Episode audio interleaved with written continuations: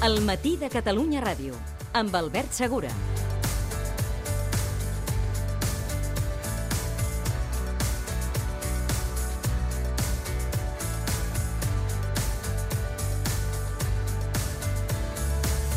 És un quart d'onze, repunt de les hospitalitzacions de malalts de Covid. Hi ha 38 persones més ingressades, 1.411 en total. Salut notifica que hi ha 461 pacients a les unitats de crítics, 5 menys que ahir i 20 noves eh, defuncions.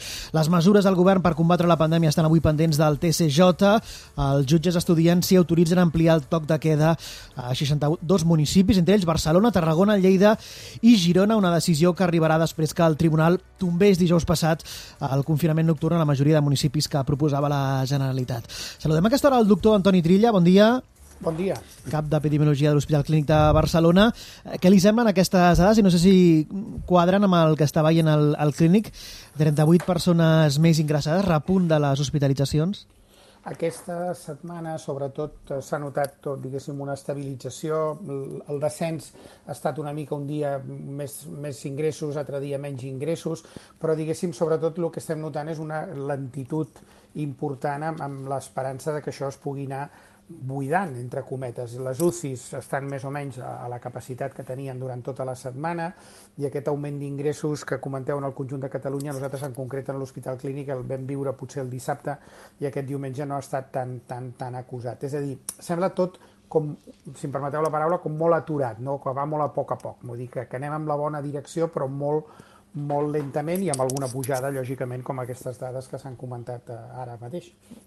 Eh, no sé si li preocupen eh, el, que els botellons puguin fer créixer els contagis i les imatges que estem veient, eh, per exemple, a les festes de Gràcia de Barcelona, o aquesta setmana imagino que les veurem també a, a les festes de, de Sants. Eh, quin missatge llença tota aquella gent que, que sembla que, que a la nit ja no hi hagi pandèmia? Exacte, jo crec que són, són dues coses, són unes imatges que independentment de la situació de pandèmia, que és, que és molt específica, jo diria que no són agradables de veure, sempre les festes majors o les festes s'han pogut celebrar sense gaires problemes, ara sembla que hi ha com, com més agressivitat i com una sensació de que aquí es pot fer qualsevol cosa, incloent molestar i no deixar dormir els veïns i, i embortar els carrers i fins i tot llançar ampolles a, a la Guàrdia Urbana o als Mossos d'Esquadra, el qual ja em sembla que, que ja és passar-se uns quants graus de lo que és la, el civisme ordinari. Si a fes, aquí afegim que les imatges majoritàriament és de gent, diguéssim, per sota de 50 anys, que és el grup que menys vacunat en proporció està encara i que evidentment no es guarden majoritàriament, almenys les imatges que s'han vist, pràcticament cap mesura, ni la distància ni la mascareta, doncs un fa pensar que poc que hi hagi algú que tingui símptomes o tingui la, la Covid en aquell moment, encara que no tingui símptomes, doncs pot ser que ho extengui i amb aquella profusió de gent i el rato que s'estan plegats i tan a prop, doncs és possible que augmentin eh, els contagis. Seria més lògic que augmentin que no que disminueixin. I per tant, preocupa. Preocupa sobretot per aquests dos aspectes. Un com a ciutadà, que dius, home, m'agradaria que hi hagués més ordre i tothom pogués celebrar les coses sense molestar el veí. I per segona, com a metge i com a sanitari, dius, això no és el que toca ara en plena pandèmia amb una variant tan contagiosa com és la Delta, i havent la gent, igual, no, no sé si són els mateixos, eh, vull dir, però eh, igual que van de festa no es van a vacunar, i mm. podien vacunar-se i anar de festa, per entendre'ns, no? No, no està clar que en aquesta franja d'edat els més joves són els menys va, vacunats perquè també les, uh, les vacunes s'han obert me, més tard per a, a, la, mm -hmm. aquesta franja de població. Uh, com interpreta com a, epidemiòleg l'actuació de la justícia a l'hora uh, de decidir si autoritzar o no el toc de quedes? Els que pensa que els jutges estan fent d'epidemiòlegs o potser que el govern hauria de fer autocrítica? Jo, jo crec que segurament, com tot, la, la, la resposta o, la, o la, això està en un terme mig, és a dir, jo crec que els jutges moltes vegades, és lògic, és la seva feina, interpreten les lleis i com s'han presentat les, les sol·licituds, etc. i els, els companys del Departament de Salut pues, segurament ho fan des d'un punt de vista sanitari. Sigui pel que sigui, sembla, per, diguéssim, si em permeteu també l'expressió, que no s'han arribat a entendre bé, perquè la situació objectiva, jo crec que a més és, és prou clara, eh, jo crec que podria fer ajudar, que si no hi ha un, diguéssim, una restricció molt important per part de la justícia, el que hagués estat més convenient ara és limitar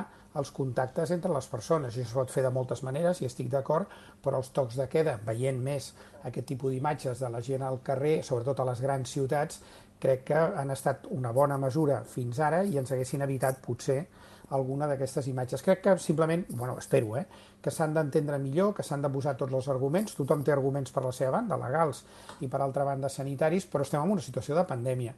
I tot i que les lleis probablement no estan fetes pensant en aquesta situació, aquí els jutges tindrien que ser sensibles, que crec que ja ho són, però després han de, òbviament han de seguir la seva normativa, però han d'entendre que la situació epidemiològica no, no és una qualsevol, sinó que pot tenir conseqüències i crec que això ho tindrien que intentar vestir d'alguna manera i ajudar en el Departament de Salut a poder implementar determinades mesures sanitàries. L'altra cosa després l'ordre públic, aquestes disquisicions que es fan, que aquí no hi entro, eh? però vull dir, des d'un punt de vista sanitari està clar que el que interessa és reduir els contactes i els contagis i veient, insisteixo, com han anat les coses després de l'aixecament del toc de queda, doncs un fa pensar que probablement l'haguéssim tingut que allargar, o s'ha d'allargar, que no sé què decidiran avui, no sé si ho decideixen avui, sí. eh, un, alguna, alguns dies més, fins a baixar bastant més la incidència i o augmentar el percentatge de població vacunada d'aquestes franges més joves. Mm. Abans esmentava la variant Delta, que sempre s'ha dit que és més transmissible, però no sé si, d'entrada, al principi alguns eh, científics especulaven que també podria ser més greu, però ara que portem ja fa setmanes, fa mesos de variant Delta, que han detectat al, al clínic, és també més greu? Aquesta és una pregunta que des d'un punt de vista científic, amb estudis ben consistents, encara no està resolta.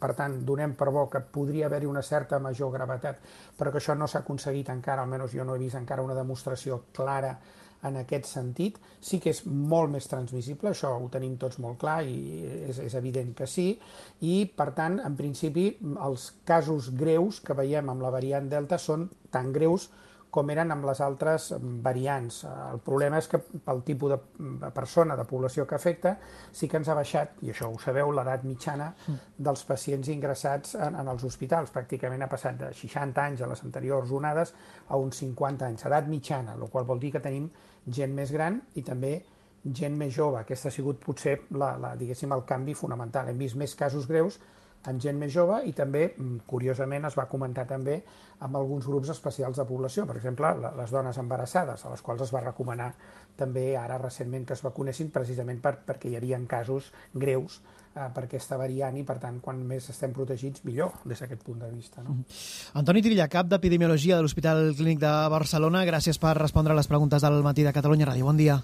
Bon dia, gràcies a vosaltres.